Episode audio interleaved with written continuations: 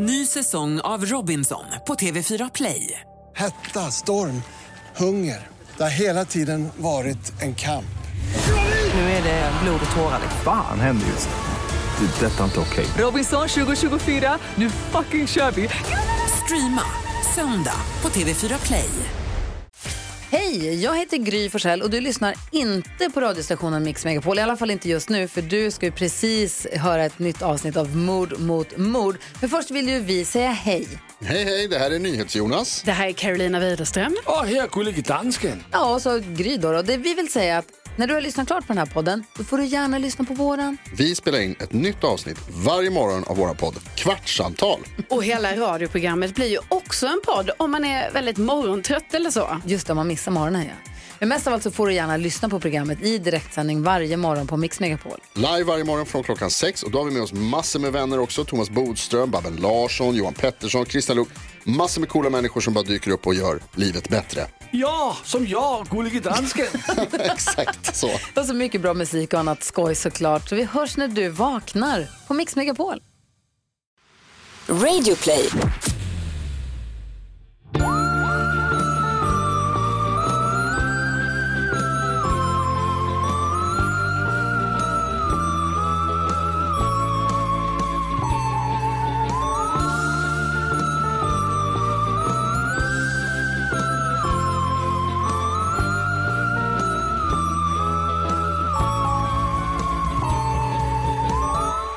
Spelar in. Ja. Japp. Oj, vad här. Säg, prata igen. Japp. Otroligt bra röst. Tack. Det här är mord mot mord. Det är mord mot mord. För typ kanske fjärde veckan i rad. så blir vi avbrutna mitt i vårt härliga vibande. Alltså det stör mig lite grann för att folk kommer aldrig få reda på Allt det vi sa. hur härligt vi hade det innan. För nu är vi bara frustrerade. För nu är vi bara jättesura och tänker göra ett väldigt dåligt jobb. Ja. Vi har position... Det är den här poltergeisten som bor hemma hos oss. Det, var, det, var, det bryr inte om det, det är ett brickbord. Gud, det lät som en spökig eh, bong. Dåligt, dåligt. Du, både du och jag gjorde riktigt dåliga imitationer av hur det, hur Ja. det där lät. Men vem vet hur det låter? Ingen. Vad, hur det låter? Jaha, jag trodde du menade en... eh, Spöken? Ja nej jag menade Du menar det där bordet? Ja, Okej, jag fattar. det, det visste Jag vi ändå lite Det grann. vi. Hur det lät. Men det är inte säkert att de som lyssnar hör det lika bra som vi. Nej. Ah, ja, Ah, ja. nog om det. nog, nog om I det. alla fall, Hur mår du? jag mår bra. Jag ehm, mår bra. Hur mår du? varje gång du säger så, så det är det, är så kul för att det är som att du är förvånad. nej, men, nej, men jag, alltså, jag, nej, men jag mår... Jag tycker det känns... Eh, Jag, alltså jag mår ju oftast bra, sen finns det ju alltid liksom saker man kan hitta som är jobbiga i ens liv. Gud ja, Ja. alltså 100 procent. Men på det stora hela, bra. Bra. Jag mår också bra tack. vad härligt. Jag känner mig ändå, uh, jag är mitt uppe i en flyttpackning men det går ändå bra. Ja, det, går förvånans, det är förvånansvärt lite jobbigt Nice. ändå. Jag tänker att ehm, det går ju alltid fort att packa ner. Det är typ när man ska, och sen, och sen är det ju roligt att packa upp. Ja det är ju skillnaden På ett annat sätt. Japp. Ehm, så att, det var kul för dig. Att du flyttar imorgon så är det liksom för att komma in i en nya lägenhet. Ja det känns helt stört. Alltså, Väldigt för jag, det här är ju första gången jag har ett, ett eget hem. Mm. Det nu stort. lät ju som att jag har bott i en kartong vid motorvägen. Det har jag ju inte. Nej. Men jag har ju aldrig haft en lägenhet som har varit min. Nej, så spännande ju. Ja. Vad ska man göra med all plats? Hyr ut den. Verkligen. Jag hyr ut vårt matbord Ja. som folk Kan kan, sova på på nätterna. Gjorde inte folk det att man hade så här hemmarestaurang typ? Det hade vi en gång. Mm, spännande. Eh, Vi hade pop-up pop restaurang i vår lägenhet i Röda Sten. Ja, jag, jag tror jag har hört om det här. Men det är precis, det kan du börja ha. Åh fy fan vad jobbigt. Men jag och Oskar kan komma, vi kan vara betalande gäster. Nej, men ni, ni kan bara få komma på middag. Okej, men måste vi kalla det hemmarestaurang? jag vill gärna göra det. Du har precis berättat att du, att du har 12 lådor med porslin. Ja, precis. Om det är någon som startar hemma på restaurang så är det jag. Mm. Vi kanske ska slå oss ihop. Absolut. Du, du bidrar med porslinet. Jag jobbar i servisen och tar med eget porslin. Men vet du vad, fast du är ju en solklar hovmästare. Tycker du det? Ja. Tack. Alltså du är ju mycket bättre, mycket mer så än en vanlig servitris. Det är ju jag. Jag kommer ju vara servitrisen. Du är väl kocken? Fuck, någon måste laga maten. Det en, är inte jag som vi har en restaurang men det är bara att du och jag Serverar. serverar vin. Lite mera vin. Gud, så bra. Du kan ju redan lingot. Jag, jag, ser fram emot att komma på den restaurangen. Jag fick just en sån, sån, sån, sån känsla. Jag bara, vad gör vi för något? vad är det? Är det här verkligheten? Leker hemmarestaurang. Jag är så sugen nämligen på att gå ut och, på restaurang och dricka vin och sånt där. Det ska vi göra sen. Men det är ett tag kvar. Jag vet men det kommer gå fort. Men det kommer förhoppningsvis gå ganska Ja, jag, tror, jag tror faktiskt det. Ja. Kolla nu hittade du någonting i alla fall som inte var Ja, bra. men det är fett trist faktiskt. Ja, Alltså, jag jag, jag, jag verkligen verkligen känner det. Jag jag börjar tänker- verkligen känna det. Ja jag förstår det. För jag tänker också du är ju en person som gillar ett gott krogliv. Ja, Att gå ut. ja. Och det handlar ju om att jag så himla mycket vill dricka vin. För jag, alltså jag kan ju göra, och, eller öl. Och Ja, eller öl. Och eller öl. Ehm, för jag menar det är klart man kan gå ut nu också. Men jag tycker inte att det är lika kul. Alltså jag tycker Nej verkligen- men det är det inte också Och folk det är så jobbiga. Man har Exakt. druckit och, och Man så måste får man vara så en av ont de i jobbiga. rösten för att alla pratar så högt så man måste- själv måste skrika också för man är. I don't like it one bit. Nej, nej jag, alltså jag förstår verkligen det. Mm. Jag köper det rakt av. Men eh, du är, det känns bara som att du, jag tror att det har varit ett bra avbrott för dig. För att du har haft sånt jävla socialt schema. Jag Jag vet. tror det är bra träning för dig att ha, Säkert. ta det lugnare. Det har du nog rätt i. Men det är också väldigt... Skittråkigt. Jag tycker det är jättetrist när alla går på AVs och sånt på fredagar och jag, bara, och jag orkar liksom inte. Nej. Jag bara, jag åker hem. Jag inser att även när jag är klar med graviditeten så kommer jag ha ett barn. Ja. Så att jag kommer nog inte vara helt fri och, Eventuellt kommer du inte vara helt fri. och leva som jag gjorde innan. Jag tänker att då kan jag i alla fall åka hem. Ändå skönt att höra att du har, har den insikten. Jag tänker att då kan jag åka hem och ta ett glas vin. Du kanske vill komma hem på AV till mig hemma? ja, gud ja. Ja. Det är perfekt. Vi har ju så här egen där ute på, på gården. Där kan du sitta och röka. Med mig alltså. Kul, alltså kul att jag är en sån, du vet jag är verkligen så, som en slirig moster känns Men det, det, ibland. jag vill ju, det är ju härligt. Jag vill, och jag försöker bara sälja in den här hemmarestaurangen hemma hos mig nu uppenbarligen Men för att jag, en hemmabar. jag, jag, du, behöver inte, du behöver inte sälja in Nej, dig okej. själv. Du har ju redan gjort det de senaste tre, fem åren. Ja. Fem år? Mm, Något sånt. Jag tror typ det. Getting there. Fan vad start. Ah, ja. Verkligen. Eh, Jag jag, längtar i alla fall. ja, jag med. Jag längtar också jättemycket. Det ska bli Efter så våra mysigt. hemma, min hemmakrog, min hemmabar och Japp. din hemmarestaurang. Jag ska äta på, äta på alla dina tallrikar. Tack. Tack. en, sann, en sann vän som kommer att äta på alla mina tallrikar. Bara ställa upp dem på en lång rad. Så tar jag verkligen, Det är så här, hur många korvar kan du äta? va? Är det en grej? Alltså en korvätartävling? Ja. Ja, okej. Eh, en sak som jag måste bara kommentera.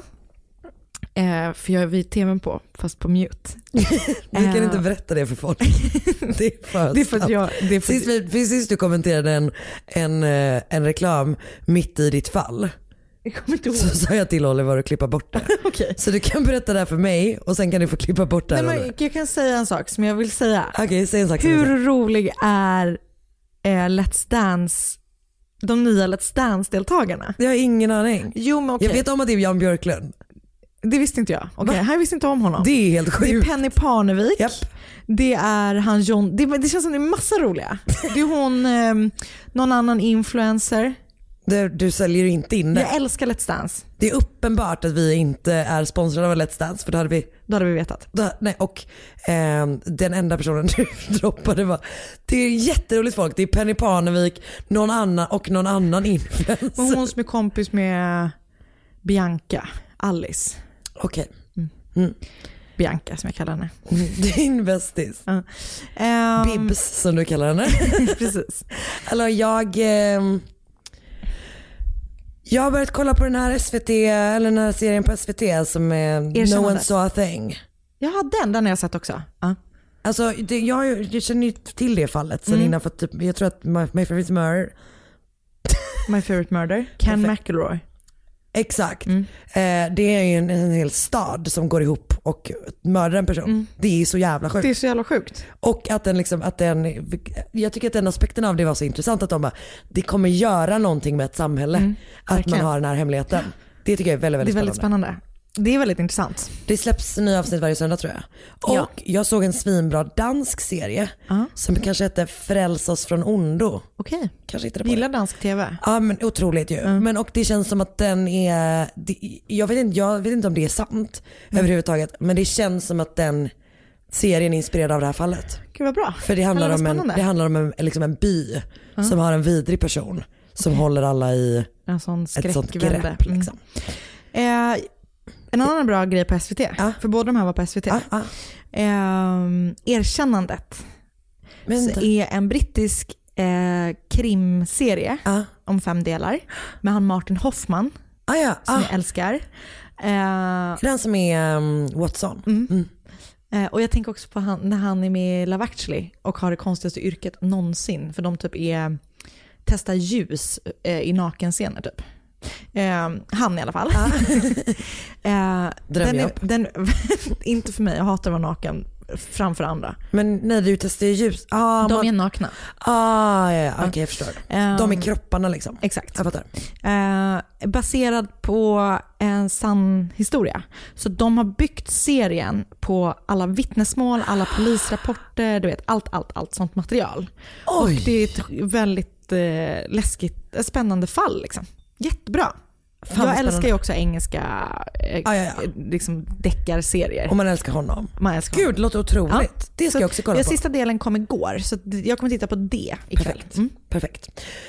Eh, just det, eh, vad heter det, Mm, poddfest. Poddfest. 21 mars, 21 mars. Fotografiska. Vi poddar på Fotografiska, vi vet fortfarande inte riktigt vilken tid men Nej. kanske under eftermiddagen. Speaking of så vill mitt kontrollbehov veta det, framförallt eftersom mitt flyttlass går den dagen. Ja, jag vet, jag, jag håller verkligen, verkligen med. Min mamma ringde mig idag och bara, är du nervös? Och jag bara, va? Hon bara, ni ska ju podda ikväll. Jag bara, ja men alltså det är att Karin kommer hem till mig. Så hon trodde att det var livepodden. Men hon kanske, är du inte lite pirrig när jag, ska komma alltid hit? lite pirrig när du kommer. Man vet aldrig vad som händer. Man vet aldrig, Nej. det är väldigt svårt att veta. Men om man vill eh, köpa biljett så kan man gå in på Podfest 2020 på eh, Facebook. Facebook. På det eh, eventet. Jag tycker typ att det känns bäst att rekommendera folk att gå dit. Ja, För då att hittar jag, man, jag, jag då litar hittar man inte rätt. på något annat. Nej, Nej. eh, nu kör vi. nu kör vi. Ny säsong av Robinson på TV4 Play. Hetta, storm, hunger. Det har hela tiden varit en kamp. Nu är det blod och tårar. liksom. Fan händer just nu. Det. är Detta är inte okej. Robinson 2024, nu fucking kör vi! Streama söndag på TV4 Play. Ett poddtips från Podplay. I fallen jag aldrig glömmer djupdyker Hasse Aro i arbetet bakom några av Sveriges mest uppseendeväckande brottsutredningar. Går vi in med hemlig telefonavlyssning och, och då upplever vi att vi får en total förändring av hans beteende. Vad är det som händer nu? Vem är det som läcker? Och så säger han att jag är kriminell, jag har varit kriminell i hela mitt liv men att mörda ett barn, där går min gräns. Nya säsongen av Fallen jag aldrig glömmer på Podplay.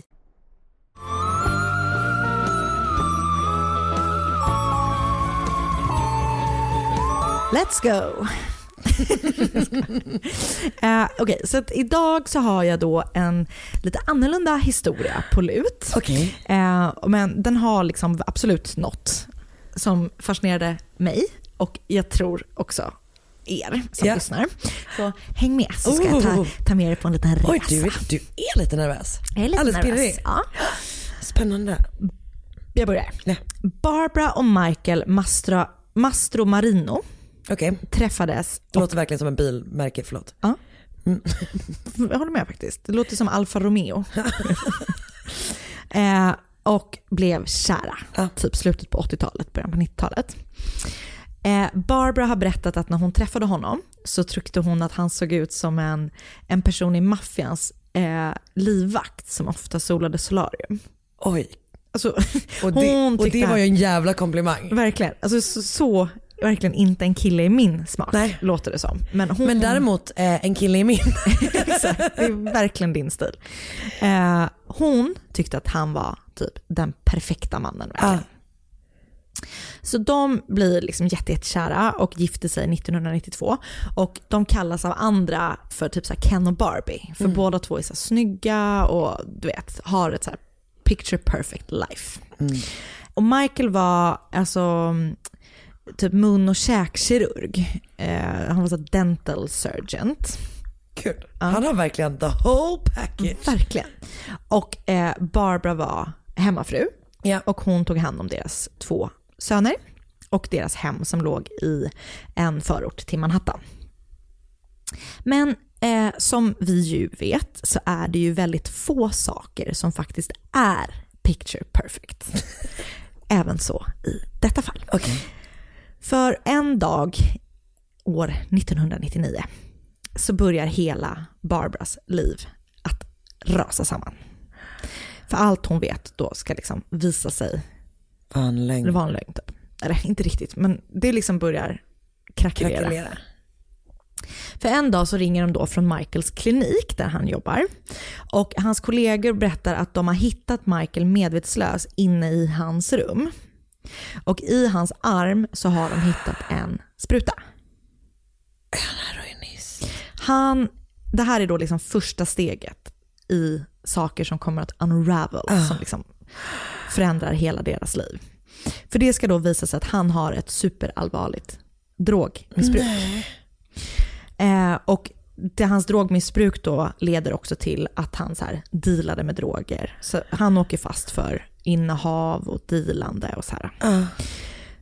Och hon blir ju helt chockad. Japp. Och det är väl heroin eller vad, jag vet inte vad mer det kan vara som man injicerar. Jag tror att det är lite allt möjligt liksom. Ja, blandmissbruk. Exakt. Eh, och, så, och som jag tänker är säkert prescription drugs också eftersom han har tillgång till allt sånt. Liksom. Hans drogmissbruk leder då till att han blir av med sin läkarlicens och sitt jobb såklart.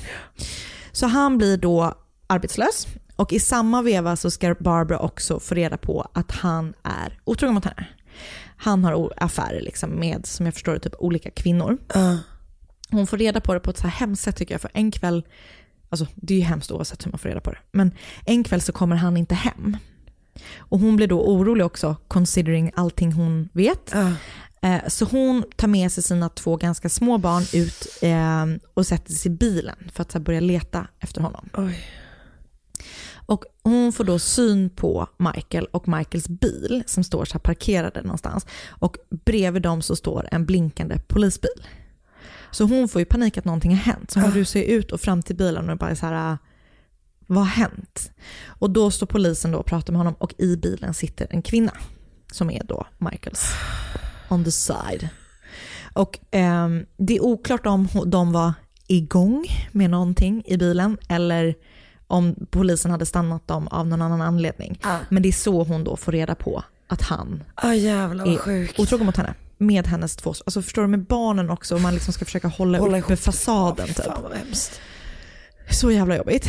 Ehm, men hon stannar kvar hos Michael, liksom, trots hans otrohet och trots att han har ett ganska allvarligt drogproblem som han ju då liksom, ehm, ja. Men också när man är typ så här, hon har säkert inte jobbat på ganska lång tid. Nej, hon är ju har verkligen hon har, beroende. Exakt, hon har Mm. ingen egen inkomst Nej. liksom. Men de, fy fan vad hemskt. Ja, men de verkar liksom ändå så här, ta sig igenom det. Och eh, efter att han blir av med, blivit av med sin läkarlicens så behöver han ju då hitta ett nytt jobb. Så det som han gör är att han startar ett bolag som heter Biomedical Tissue Services. Okej. Vilket är ett företag som säljer eh, organ och vävnad och ben och sånt till sjukhus och olika läkarkliniker. Jag, visste inte det här, men tydligen så är det, jag, vet inte, jag ska inte säga vanligt för jag vet inte om det är det, men det är, finns, att ehm, man, tar, man kan donera sin kropp efter att man har dött. Så tar man vävnad, eller ben eller vad det är, från kroppen som sen blir typ lagade och eh, steriliserade. Och sen så används de som eh, medicinska produkter. Så typ att eh, vener, mina vener när jag har dött kan användas i någon annan människas kropp i en hjärtoperation. Eh, eller typ senor kan användas för att eh, operera ett knä. Så typ så som man egentligen, för att man vet om att det är så med organ men att det är så med mycket, många, Exakt, många att fler det delar. anpassar sig typ. Liksom. Ja jag fattar. Mm. Ja. Och även så ben. eh, Men jag fattar inte, don- donerar man sig själv till hans företag då? Ja men precis, han blir då, hans företag blir då liksom en, ehm, Är det den aktören som liksom rengör, alltså som steriliserar Precis. och sen säljer liksom färdiga att använda produkter Exakt om man kan så. kalla det för det? Ja. Fattar, okej. Gud spännande. sjukt läskigt men ändå smart. Och liksom man, det är ju, man kan ju tänka sig att det kanske är bättre att använda en naturlig produkt än typ, ja. Så det är det han börjar med. Biomedical Tissue Services. Och det går jättebra för det här företaget. Han tjänar massor med pengar. Och på bara fyra år så har han dragit in fyra miljoner dollar i sitt företag. Liksom. Och hon är, Barbara är lättad. Hon känner att vi är på rätt bana igen. Det går bra för honom. Han är liksom inte, missbrukar inte droger längre. De är på väg liksom tillbaka. Eller de är tillbaka. De har köpt ett stort hus i New Jersey och Fox News rapporterade om att han investerade i att installera värmare i uppfarten så att han skulle slippa skotta snö. Vilket jag verkligen tänker är så här, höjden av typ en lyxprodukt. Verkligen. Och jag tycker att det är så bra rapporterat av Verkligen. Fox News. Då, alltså man vet om att när man har hunnit fram till det, då, har man, köpt lyckats. mycket annat. Ja. Då har man pengar. Då har man fucking pengar. Eh, men så då ska det Barbaras och Michaels liv ställas på ända yet again år 2006. För eh, under år 2005 så börjar polisen, och jag vet inte exakt hur de upptäcker det här, men polisen börjar titta lite närmare på en begravningsbyrå i Brooklyn som heter eh, Daniel George and Son Funerals, där det verkar ha hänt liksom lite skumma saker kan man väl säga. För på den här begravningsbyrån då så hittar man typ ett hemligt operationsrum med så specialutrustning. Och eh, man ser också att det visar sig att ehm, kroppar som har lämnats in där har fått eh, ben och, eh, i sig ersatta med PVC-rör, alltså sådana plaströr. Vilket man tydligen gör när man tar när ut. man tar ut ben, när folk skänker på riktigt. Men just de här personerna som har de här PVC-rören har inte skänkt sina kroppsdelar. Och en jävlar av dem var en, typ en känd journalist och tv-personlighet vid namn Alice, Alice, Alistair Cook. Okej. Så det började vara, de bara, det här är something fishy about this. Gary. Gary, you're all over the place.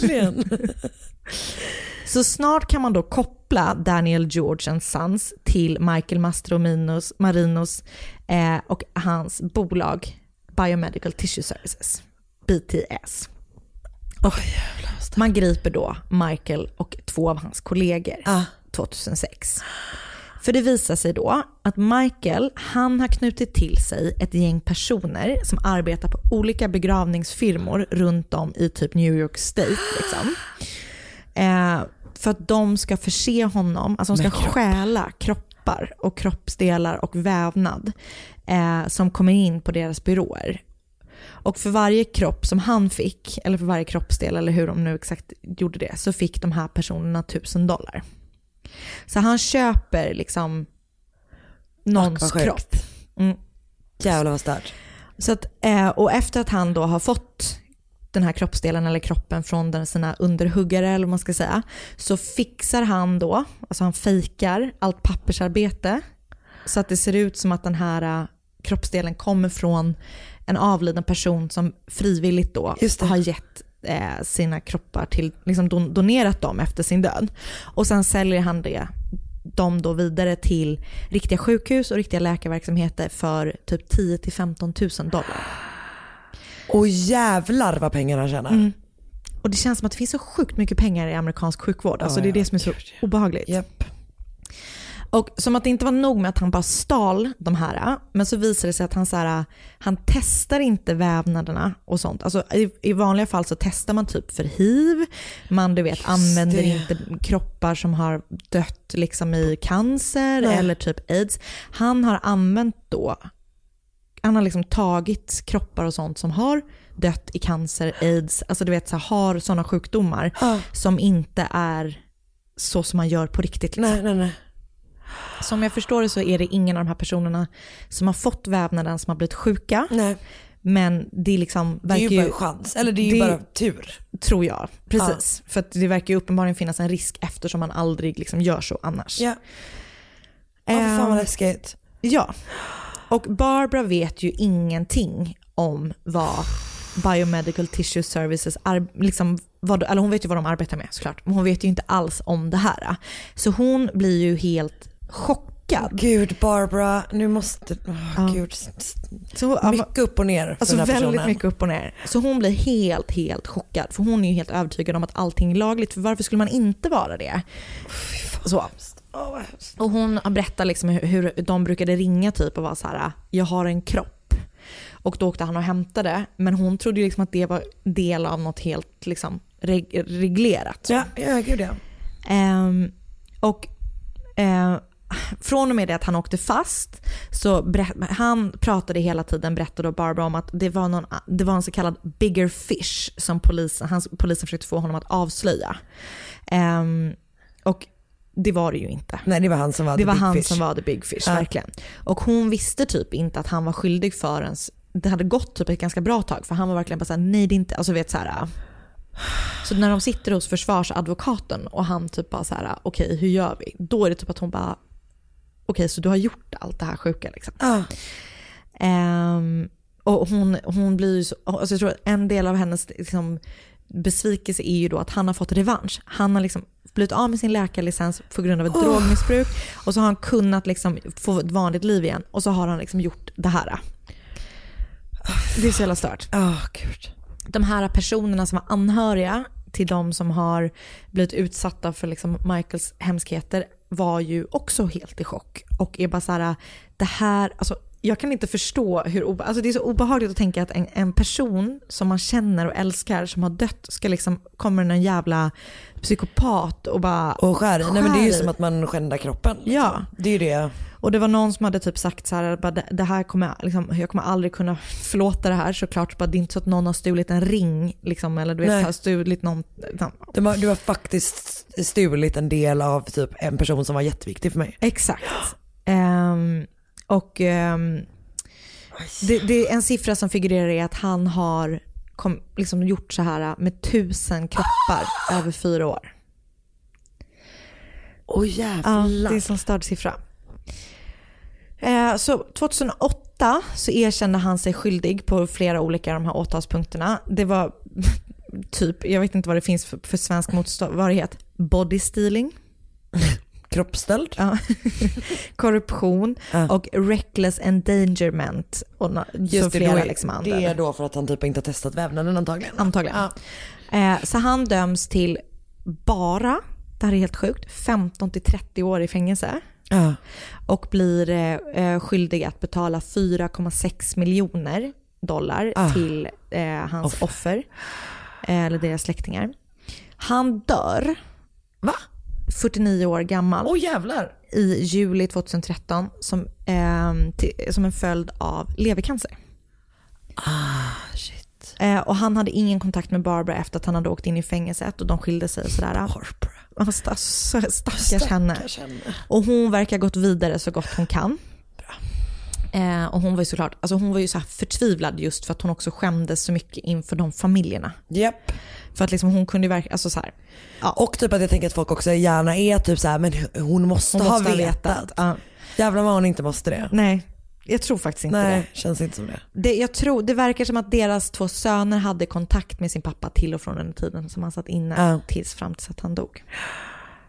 Så det, han kallas för the body snatcher eller något sånt där. Den är så, Fan så, sjukt. så, så läskigt. Ehm, och jag har eh, läst en artikel på Fox News som heter eh, “Wife of Body Snatcher details how she learned ex husband illegally harvested sold body parts in, ja, in a documentary series I had no idea. Den är väldigt lång titel. Jag har också läst i eh, en artikel på oprah.com som heter eh, Husband Secret Lives Revealed. Där fanns det flera olika Husband Secrets Lives Revealed. Det är man ju Mm. i allmänhet fascinerad av. Och sen så Michael Mastrami Marino Dentist Guilty in Organ Scheme Dies at 49 på NY, alltså New York Times. Och sen finns det en dokumentär som heter, jag hann inte se hela, men den finns på, jag ska se, den heter um, Who the bleep did I marry? The body snatcher. men den verkar typ ganska spännande. Jag, men jag hann inte se den i helgen. Otroligt bra namn. Men jag tipsar om den ändå. Jag tycker det där är ett jättebra val av historia. Alltså jag älskar också ett dubbelliv. Ja. Eller eh, kanske inte men du fattar vad jag Man- menar. man älskar att- man älskar en man stor lögn. Alltså jag tycker det är så jävla fascinerande typ. Alltså, Också just det upp och ner och hit. Oh, fan, jag var helt liksom drabbad efter att jag hade läst om det. Otroligt spännande och intressant och jättehemskt. Så hemskt. Så obehagligt. Aha. Ny säsong av Robinson på TV4 Play. Hetta, storm, hunger. Det har hela tiden varit en kamp. Nu är det blod och tårar. Fan händer just nu. Det. är Detta är inte okej. Robinson 2024, nu fucking kör vi! Streama söndag på TV4 Play. Ett poddtips från Podplay.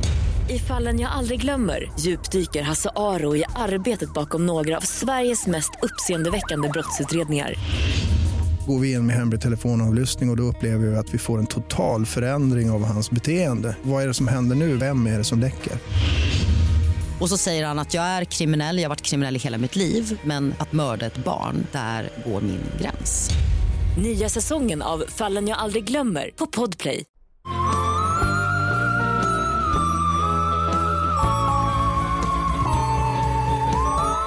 Jag bad om tips på min Instagram. Jag såg. Fick så jävla mycket tips. Mm. Ehm, jag, eh, jag var ute efter något. Ja, ja. Mm. Så att det här är därifrån. Mm, helt enkelt. Eh, den 30 november 49 kommer man till polisstationen i staden Mertyr Tydfil. Gissa, gissa land. Mertyr Tydfil. Eh, jag vet, de är på, det är, ehm, det är på Island. Det, det lät verkligen så när Ja. jag läste det så. Ja. Jag vet inte om man läser det på ett annat sätt. Det är Wales. Okej. Det är en liten stad som ligger fyra mil norr om Cardiff Okej. Wales. Mm. Eh, men man kommer in på den här polisstationen. Han heter Timothy Evans och han säger att han har något han behöver erkänna. Han har av misstag dödat sin fru, Nej. Beryl. Hatar när det händer. Verkligen. Eh, Timothy har, ehm, de ska genomföra en, abort. Abort är olagligt Mm. vid den här tiden i England och som vi vet, bara för att man gör abort olagligt så slutar folk inte eh, göra abort. Eh, utan det som händer är att man gör extremt farliga, Farliga. aborter istället. Och eh, han har då köpt typ en, ja, men något slags preparat av en man som så säger så här att den ska liksom, det här ska liksom inleda då en, en abort. Ehm, men istället så har Beryl alltså dött. Liksom. Och han får panik efter det här och så lägger han kroppen i en avloppsbrunn utanför deras hus. Speciellt. Eh, de bodde på 10 Rillington Place i London. Eh, och sen så har han typ så här. De var ju i Wales. Ja, de har sett till, han har typ sett till att deras dotter Geraldine är liksom omhändertagen. Okej. Och sen så har han lämnat stan och åkt till typ släktingar i Wales. Okej. Eh, men nu har han liksom, det har gått tre veckor men han känner sig så himla, han känner väl att han måste helt enkelt erkänna det här. Typ. Men när polisen i London då åker till det här huset eh, och hittar den här brunnen som han har pratat om så är det, alltså de inser att det är omöjligt att han har gjort det här själv. För att locket är jättetungt till att börja med. Men grejen är också att när de sen får, väl får upp locket så hittar de inte Beryls kropp och inte heller liksom ett spår efter den. Nähä. Och när Timothy då får liksom information om att så här, vi hittar inte henne där du säger att hon var, så ändrar han sin historia. För då säger han att det är en granne som heter dem som heter John Reginald Christie Eh, han har typ erbjudit sig att hjälpa dem med den här aborten. För att han har typ så här någon slags medicinsk träning typ. Ehm, och så att han ska hjälpa med honom och så, så när Tim, Timothy har kommit hem från jobbet så har han varit så här, jag är hemskt ledsen, det gick inte. Eh, Beryl är död. Och jag kommer ta hand om det här, jag kommer ta hand om ert barn, jag kommer ta hand om kroppen. Men du ska bara lämna stan. Vad typ. menar du med att ta hand om, okej. Och han, han säger att han ska fixa så att eh, Geraldine får hamna hos en, en familj som kommer ta hand om henne typ. Det hade Ehm, inte jag litat på om någon precis hade dödat min respektive. Nej det är en rimlig invändning, Mm. verkligen. Ehm, för att grejen är då att när polisen ett par dagar senare hittar Beryls kropp, kropp i ett liksom något slags uthus, jag tror att det är någon slags tvättstuga som Mhm. ligger i närheten av det här huset. ehm, så hittar man inte bara då Beryls kropp utan man hittar också Geraldines kropp. Och båda har strypts. Okej. Och när de förhör Timothy så erkänner han direkt. Han har strypt Beryl under ett bråk. Och Okej. två dagar senare så har han också typ mördat deras dotter. Men vad fan? Så 11 januari 1950 så inleds rättegången mot honom. Och på den tiden så var det så här, man kunde bara pröva ett mord eller ett fall i taget. Okej. Så att man väljer då att ehm, eh, bara, alltså att det gäller bara mordet på Geraldine. Tanken är väl typ att så här, om han fälls för det så kommer han dömas till döden så då, typ, då sparar man typ kanske och, alltså, skattepengar Ah, på okej. att inte liksom, genomföra längre rättegångar och sådär. Jag vet Mhm. inte riktigt. Men det var så liksom. Så att äh, det gäller mordet på Geraldine men man använder det faktum att han har erkänt mordet på Beryl också som liksom bevis, bevis. på ett så det blir en sån konstig cirkel där typ. Ehm, under rättegången så drar Timothy Evans tillbaka sitt erkännande. Okej.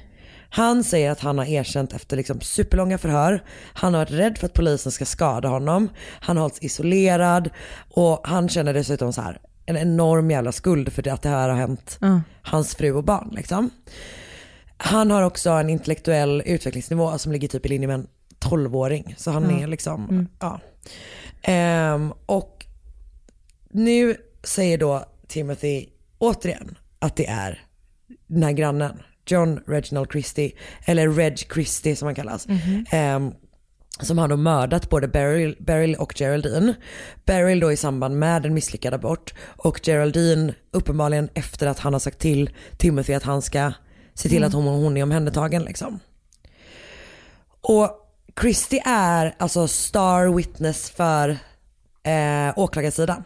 Mhm. Så han är liksom redan i en del av rättegången. Okej. Och han eh, för, förnekar då liksom, han bara jag har aldrig erbjudit mig att göra en ab- abort för Nej. henne. Eller du vet så här, liksom, det har aldrig hänt typ. Ehm, det han kan berätta är att det, det har liksom varit extremt våldsamma bråk. Mellan dem. Alltså ifrån, man har hört från lägenheten liksom.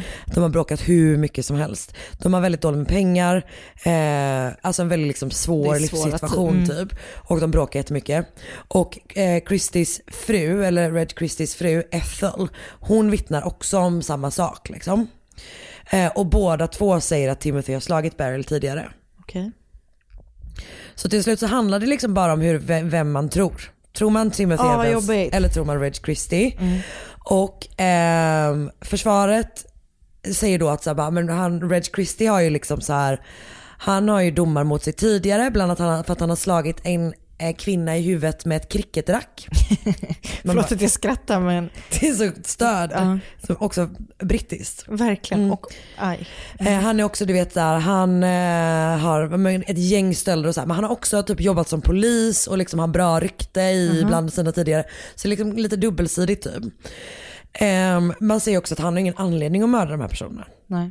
Förutom att det är ju så här, alltså det behöver man ju inte ha. Nej, nej exakt. Det, exakt. det kan ju vara liksom motivlöst. Men eh, det man säger är att Timothy Evans har ju det. Mm. Då liksom. Ehm, och juryn överlägger i 40 minuter. Och sen kommer de fram till att han är skyldig. Det är för snabbt. Det är så jävla snabbt. Det är alldeles för snabbt. Så den 9 mars, alltså två månader efter att man börjat med rättegången Då har man redan hunnit överklagas en gång och avslagits. Så hängs Timothy Evans för det här mordet Okej. på Geraldine. Det känns inte stabilt alls. Det är snabbt får man lov att säga. Ehm, han hängs då i Pentonville-fängelset i London. Han är bara 25 år gammal. Och hans kvarlevor, alltså en del av straffet är att hans kvarlevor kommer begravas inne på fängelset. Okej, det lät inte så farligt tycker jag. Men Nej men det är, så speci- det är bara en Det är speciell del straff. att det är en del av straffet typ. Men grejen är att de kommer bara vara inne i fängelset, på, eller på fängelsets liksom, mark i 15 år. För 1965 så grävs de upp och Timothy begravs igen på St. Patrick's Roman Catholic Cemetery. Och året efter det så blir Timothy officiellt postumt benådad Okej. av drottningen. För då har nämligen opinionen vänt helt och hållet. Och världen är övertygad om att Dredge Christie har inte bara mördat Beryl och Geraldine. Han har mördat ytterligare sju kvinnor. Och en av dem är hans fru Ethel. okej. Så den här John Reginald Halliday Christie, Coolt namn. mm, verkligen, föds eh, 1899, växer upp i Halifax i Yorkshire. Enormt våldsam eh, pappa. Eh, mamma och tre systrar som verkar både liksom vårda honom väldigt ömt, alltså att de är väldigt daltande med honom, men också typ alltså ser honom mer som någon slags gosedjur. Typ. Ja, jag fattar. Alltså så att det liksom är, han är väldigt maktlös Ja. som barn, eller i hans uppfattning liksom i alla fall.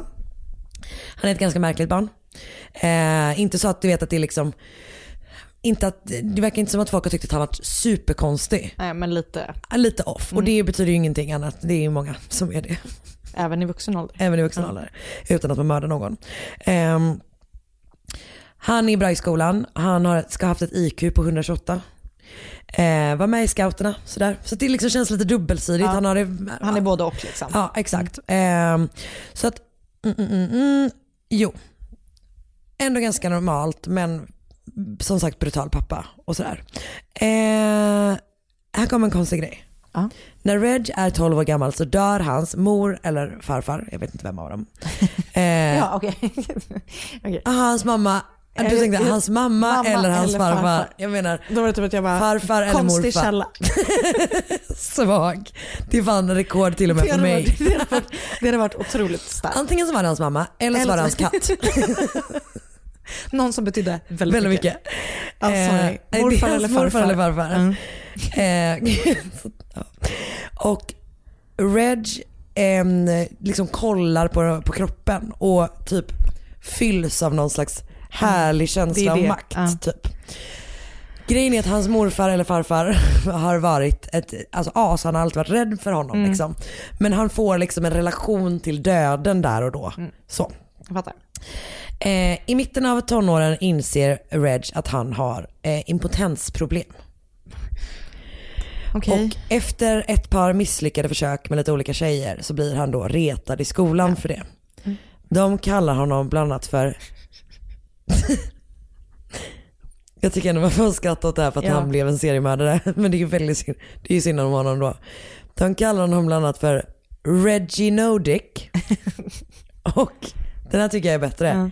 Can't do it Christy. Okej. Ja. Tror inte- Man får skratta åt det för att han är en För att han blev det han Ja. blev. Men jag tycker ändå, ja för fan. Alltså, kan du tänka dig något typ hemskt. Alltså, så jävla jävla Ja. pinsamt typ. Jätte, jättejobbigt. Och eh, han gör ju då det enda rätta och inleder ett livslångt kvinnohat med dödlig utkomst. Så, det är så vi hanterar ja, det. absolut. Perfekt, alltså original incel verkligen. Alla är fan original Ja. incels. Alla de här som vi pratar om. Okej, efter skolan så eh, joinar eh, Reg militären ett tag. Eh, första världskriget då. Mm. Bla, bla, bla. Han är bland annat med i en attack med senapsgas. Som Ah. han själv påstår, eller den ska ha gjort honom tillfälligt blind. Mm. Han säger senare också att den gjorde honom tillfälligt stum i tre år. Folk Okej. runt omkring honom verkar sticka att, eh, säger att det var mer att han ville ha uppmärksamhet. Mm. Men, Mm. fan vad man är, man är ju, ehm, riktigt sugen på uppmärksamhet om, Om- det innebär att man är tyst i Man tre är så år. sjukt committad. Jag är så sjukt committad. Men jag tänker att det kan ju stämma, men det är ju inte gasens fel utan det är i så fall chock tänker jag. Ja, ja men kanske. Men jag tror inte det stämmer. Nej. Ehm, också för att han 1920, vilket är inom, alltså under den tiden han ska ha varit stum, så gifter han sig med Ethel Simpson. Så han måste åtminstone då, Han har i alla fall han friat. kanske nickade under när de, de frågade om han ville liksom. Ehm, hon är också från Halifax och de har framförallt två problem. Ett då att eh, Reg ägnar sig åt stölder, alltså han stal, stjäl väldigt mycket. Eh, bland annat så tar han jobb på posten för att kunna stjäla paket Okej. och sen sälja. Smart. Eh, och sen deras andra problem är då att han inte kan ha sex, eller han kan åtminstone inte ha sex med henne. Han kan gå till sexarbetare. Såklart. Eh, och det har han gjort sedan han 19 år gammal förlorade sin oskuld till en sexarbetare. Och ehm, han säger väl någonting om att typ så här han, att han upplevde att de inte ställde några krav på prestation från honom så därför kunde han typ genomföra ett samlag om man säger. Men jag tror också att det är så här, jag tror att han ser ner på dem. Såklart. Så att han känner inte att han behöver vara utmanad. Liksom. nej. Nej. han han, att han tycker, han, de skrämmer honom inte som andra kvinnor gör. Eller som andra kvinnor, som kvinnor han inte har betalat för att ligga med, Med gör. Ehm, så att problemet är att det är dyrt att ligga med sexarbetare så då måste han gå ännu mer in på stölderna. Så det liksom är en liten cirkel där. Ehm, och de gör typ slut lite grann, han och Ethel, typ så här, det är lite on and off. Ehm, men från 1924 så bor åtminstone Reg i London och det kommer han då göra till the better end. Han döms då snabbt i London för att ha slagit en kvinna i huvudet med ett cricketträ. Eh, det är en kvinna som låtit honom bo hemma hos henne. Som typ försörjt honom och sånt. Det är antar att de har haft någon slags relation. Och till slut har hon tröttnat på honom och slängt ut honom. Och då har han blivit arg. Såklart. Och du vet det har blivit typ ett så 15 cm långt sår i hennes huvud. Shit. Jag vet, jätteäckligt. Men hon klarar sig. Mm. Eh, då döms han till sex månaders straffarbete. Och senare sitter han typ inne för någon bilstöld och så här. Och då skriver han ett brev till Ethel och ber henne att ta tillbaka honom. Och hon gör det.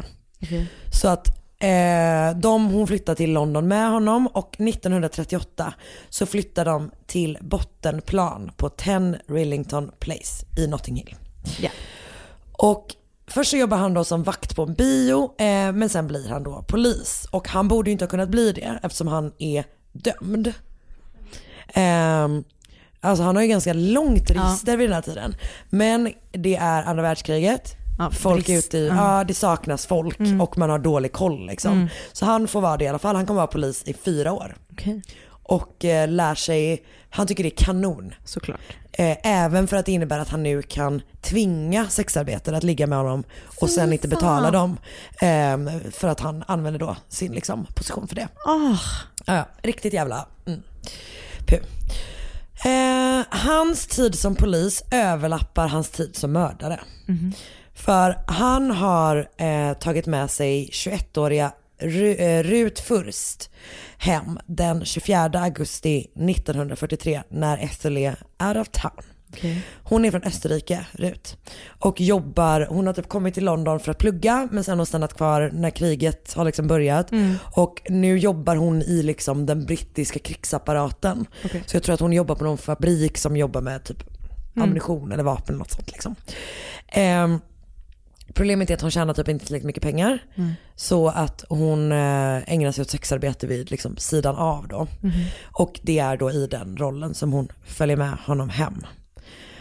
Och det är som att någonting, ja men så här, de har typ haft sex och sen så bara stryper han henne med ett rep. Och när, han, när hon är död så lägger han först kroppen under golvplankorna. Innan han typ ett dygn senare begraver henne i trädgården. Okej. Ehm, han tycker att det är lite jobbigt för honom att jobba på samma polisstation som utreder mordet på Rut. Så han eh, bestämmer sig för att säga upp sig. Okej. Mm. Bra. Verkligen. På sitt nya jobb, det är någon slags fabrik också tror jag. Eh, där träffar han en kvinna som heter Muriel Amelia Eady. Och hon lider av bronkit. Han blir typ lite obsessed vid henne. Eh, och eh, hon lider av bronkit. Och den, eller hals, det är någon slags luftrörskatarr tror jag va? Ja. Ehm, Den 7 oktober 44 så följer hon med honom hem för att han säger att han har liksom en, en inhalator som kommer hjälpa mot hennes Okej. bronkit. Mm. Det är bara det att han har byggt den själv Nej. för att eh, kunna göra henne medvetslös. Men gud. Och det han har gjort då är att han har tagit upp som en stor burk Mm. där han har satt liksom en slang i eh, som, hon, som, leder till liksom ett munstycke eller sådär som Ja. hon ska andas i. Och i den burken eller i slangen eller så, så har han lagt typ någon slags, typ som tigerbalsam tror jag, som doftar ganska Ah, starkt. ja, ja. Så att hon ska typ tro att det är, det är någonting liksom där i. Ehm, men när, så när hon sätter sig ner och börjar andas i den och därmed har ryggen mot honom och mot typ den här burken. Mm. Så tar han fram en till slang och sätter den till gasen i huset. Gud. Och eftersom det här doftar så starkt så täcker det ju gasdoften. Mm. Så hon andas gas Fy fan. eh, och tuppar liksom av då. Och när hon är medvetslös så våldtar han henne. Mm. Och sen stryper han henne och begraver henne i trädgården också. Och grejen är att Muriels fästman visste om att hon skulle hem till Reg. Alltså de kände ju varandra från Mm. jobbet liksom. Mm. Så han kommer hem till, henne, eh, till eh, Reg och frågar typ om han Har sett till henne. Ja exakt och han bara, nej jag tyckte det var lite konstigt att hon aldrig dök upp typ. Alltså verkligen bara fan blånekar typ. Ah. Ehm, våren 48 Mm. flyttar då Timothy och Beryl Evans in i huset Mm. på Rillington Place. Och som sagt, de har liksom mycket problem med sin relation. De har sin lilla dotter, jag tror att hon föds under tiden de liksom eh, Mm. eh, bor där, Geraldine. De är väldigt unga, Beryl är alltså bara 19. Jäklar. Hon är jätteliten. Och de har dåligt med pengar som sagt. Båda två verkar ha haft någon slags kognitiv funktionsvariation. De bråkar massor, alla i huset hör dem, skriker på Mm. varandra. Någon säger typ att de har sett dem slåss liksom.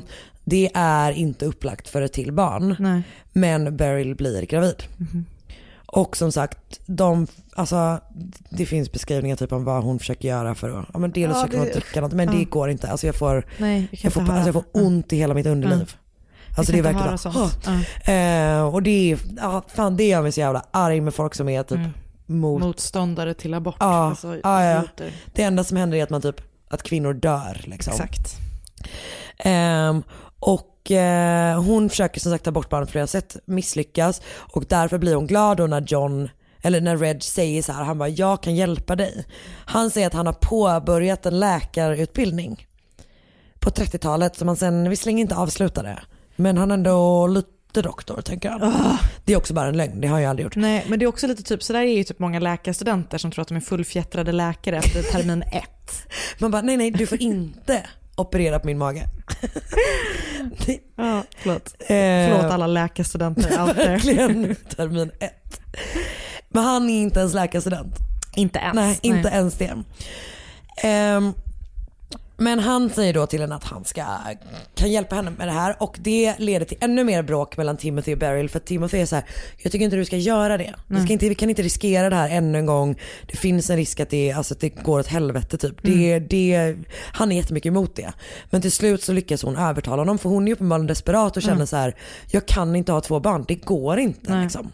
Usch, vilken jobbig känsla. Ja jag vet, panik verkligen. Ehm, så till slut så går, hon- går Timothy med på det och eh, Reg ska då utföra den här aborten under tiden när Timothy är på jobbet typ. Okej. Så när han kommer tillbaka eh, från jobbet så möter Reg honom i porten och är så här, du jag är hemskt ledsen men eh, Beryl Ah! klarar sig inte typ. Som sagt, han uppmanar då Timothy att lämna stan. Han säger att han ska ta hand om Geraldine. Eh, det gör han uppenbarligen inte. Och vi vet ju vad som händer då med Timothy Mm. allt sen. Eh, en person som liksom har blivit avrättad. Alltså han har ju mördat en till person liksom, Ja. helt enkelt. Ehm, och Christie stryks från utredningen helt och hållet. Det är liksom inte att man fortsätter kolla på honom eller så liksom. Men gud. Och kan då fortsätta mörda. Eh, men grejen är att han tar ett uppehåll på tre år tror jag. Okej. Jag antar att han blev skrämd av Mm. att typ så här känna att han var på väg att åka fast liksom.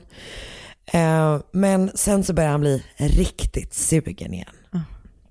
Det är ju bara det att Ethel är ju i vägen. Mm. Och Ethel har tidigare rest ganska mycket. Jag tror att hon har rest till deras släktingar i Yorkshire ganska mycket tidigare. Mhm. Men nu har hon liksom, eh, hon är hemma mycket mer. Så det är ju lite, lite av ett problem för honom. Så han bestämmer sig helt enkelt för att göra sig av med henne. Och i december 52, Oj, ska, du, ska jag låta dig svälja först? Oj. Jag drack min kroppsviktig te i en klunk. Oj. Så i december 1952. I december 1952 så stryper Reg Ethel i sängen och gömmer hennes kropp under golvbrädorna. i Varför gör folk det? Det är så jävla konstigt. Det är så konstigt. Så obehagligt. Ja men också att man bara så här, ja vad tror du ska Det hända? kommer märkas. Det kommer märkas men han, det kommer bli Ja. sämre. För sen så sätter han igång och ökar mordtakten Mm. rejält. Mellan den 19 januari och den 6 mars så mördar Reg Christie ytterligare tre kvinnor. Okej. Kathleen Maloney, Rita Nelson och Hectorina McLennan. Coolt namn. Um, Kathleen Maloney var born and bred Londonbo och de träffades för att han eh, var, för att hon var sexarbetare. Okej. Eh, Rita Nelson var från Belfast men hälsade på sin syster Okej. när hon träffade eh, Reg. Hon var sex månader gravid. Nej, Jo, förlåt. det är precis där jag är. Jag är ledsen, förlåt. Men du ska inte åka till London.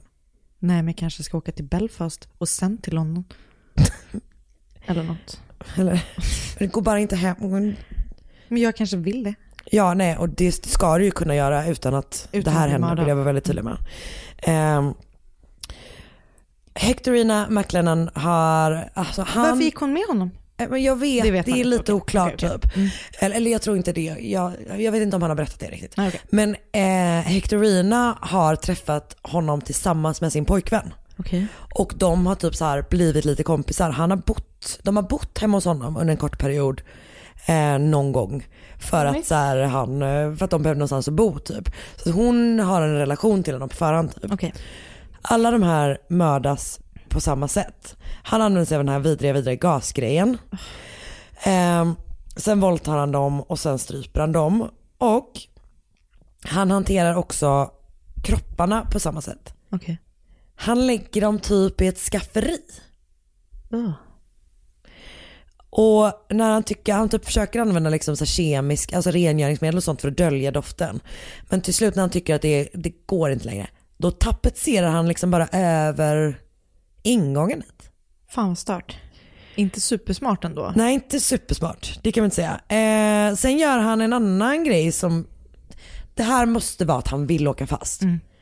Han hyr ut sin lägenhet och tar in på hotell. Fy fan, tänk att hyra den lägenheten. Panik. Men det som är skönt för den, den här personen är åtminstone, är att eh, eh, hyr, alltså eh, ägaren till huset märker att den är uthyrd i andra hand redan första kvällen Okej. och slänger ut dem. Ja. Eh, Men sen så börjar en annan hyresgäst i samma hus få typ använda köket. Uh-huh. Eller om de flyttar in, jag vet inte riktigt. Men det är så här, det kommer en, en till person i alla fall. Och, och det här är så äck- äckligt, det här är verkligen vidrigt. Den här personen vill då sätta upp typ en radio på väggen. Okej. Och slår då hål i väggen Nej. som han har tapetserat över. Och du vet det liksom pyser ut fy fan. alltså likdoft typ, liklukt. Och så får han liksom upp och kollar in. Och där ligger ju liksom tre Nej. kvinnokroppar. Alltså det är, det är fan, det är liksom det läskigaste. Men att det inte luktade innan han slog hål tycker Men jag det, verkar helt jag sjukt. tänker att hela London luktar äckligt Ja, för den tiden. Mm. Eller? Så var det nog ja. Ehm, Fy fan vad obehagligt. Ja, jag vet, det är fruktansvärt jätteläskigt och hemskt. Det dröjer 11 dagar, men sen grips John Reginald Christie äntligen. Polisen har då hittat sex kroppar i och utanför huset. Så det är ju de två första där som var i trädgården, hans Mm. fru och sen de här tre tjejerna i det här skafferiet. Och sen har de ju två stycken sen tidigare eh, som man senare kommer kunna knyta till honom. Eh, plus ju då, in my opinion, Timothy, Timothy. Evans. Ehm, han erkänner, alltså han erkänner de här, först de här sex, sex stycken Mm. och sen så erkänner han också mordet på Beryl men han erkänner inte mordet på Geraldine. Vem säger han har gjort det då? Ja, men ingen, alltså han Nej, säger bara ingenting. Nej. Ja det är uppenbart att det, Det är det ju. han. Eh, också typ känns som en sån klassiker att man är så man bara nej jag tänker inte säga att det är jag som har mördat. Han, typ, Barnet, han, jag typ. tänkte precis säga det, typ för hans självbild kan han typ inte ha dödat ett barn. Man bara men du har det. Ja. Och din självbild borde vara skakig Mm. at this point. Eh, men polisen anser då liksom att det är befäst han har gjort det också. Så han döms för mordet på Ethel. Mm. Det är det enda han åtalas för, för du kommer ihåg det här va? man Just det. kunde bara åtalas en taget. Och den 15 juli 1953 ska han hängas. Och efter att han har fått sina händer bakbundna inför typ hängningen så säger han till böden, som är samma person som bara tre år tidigare Hängde Timothy. Ja. Eh, säger han bara, det kliar på min näsa. Nej, säg inte att han biter honom. Nej, det gör han inte. Världen svarar, it won't bother you for long. Okej. En Jag- härligt. Ja. Jag såg framför mig att han gick fram och, Och bara, kliade och då att han skulle bita. ah, åh gud vad läskigt. ja, Det var jätteobehagligt. Jätteläskigt. Riktigt sån eh, när lammen tystnar Exakt. känsla. Nej det gör han inte, utan han sa bara till honom, Det var, snart kommer var du vara död. Ja. Och han hade ju rätt i det. Ja, han hade, för, ja sen dog han. Mm. Det är där Det den är här där historien är slut. Förlåt att jag tog, tog ditt slut. Nej det gjorde ingenting. Nej. Jag har läst en inte helt oproblematisk artikel från världens historia Okej. som har rubriken Förnedrad polis begick bestialiska sexmord. Okej. Förnedringen är då det här att, eh, att eh, eh, tjej, de här tjej, tjejerna som han inte fick upp det med när han var liten. Eh, och från Generation Ys avsnitt om John Reginald Christie och förstås från lite olika fina Wikipedia-sidor. Härligt, vilken läskig historia. Eller hur? Ja. En seriemördare. Men vad bra att han åkte fast. Ja men han höll fan på i tio år. Mm, väldigt länge. Väldigt länge. Också jävla sorgligt när någon blir Miss, ja, fy fan. Idiot. fucking idiot. Och eh, när, när de gick in i hans lägenhet så hittade de typ, äh, så hittade de typ massa så här, tidningsurklipp om eh, Timothy Ja, såklart. Evans fallet. Ah. Mm, äkta rasande. Fy fan. Tack Ja, för att du berättade det. Ja, tack, Tack för för att, att den som tipsade Karin om det. Det var spännande. mm, eller hur? Eh, tack för att ni har lyssnat. Eh, glöm inte att ge oss en, en snäll recension på iTunes. Glöm inte att gå med i vår Facebookgrupp som heter Mord mot mord podcast. Glöm inte att om ni vill önska fall så gör ni det på Instagram, att Sandelanna, att Karin Londre. Och glöm inte att komma på poddfest den 21 mars på Fotografiska. Och glöm inte att vi gillar er. Yes! Hej då! Ny säsong av Robinson på TV4 Play. Hetta, storm, hunger. Det har hela tiden varit en kamp. Nu är det blod och tårar. Fan händer just nu. Det. är Detta är inte okej. Robinson 2024, nu fucking kör vi! Streama söndag på TV4 Play.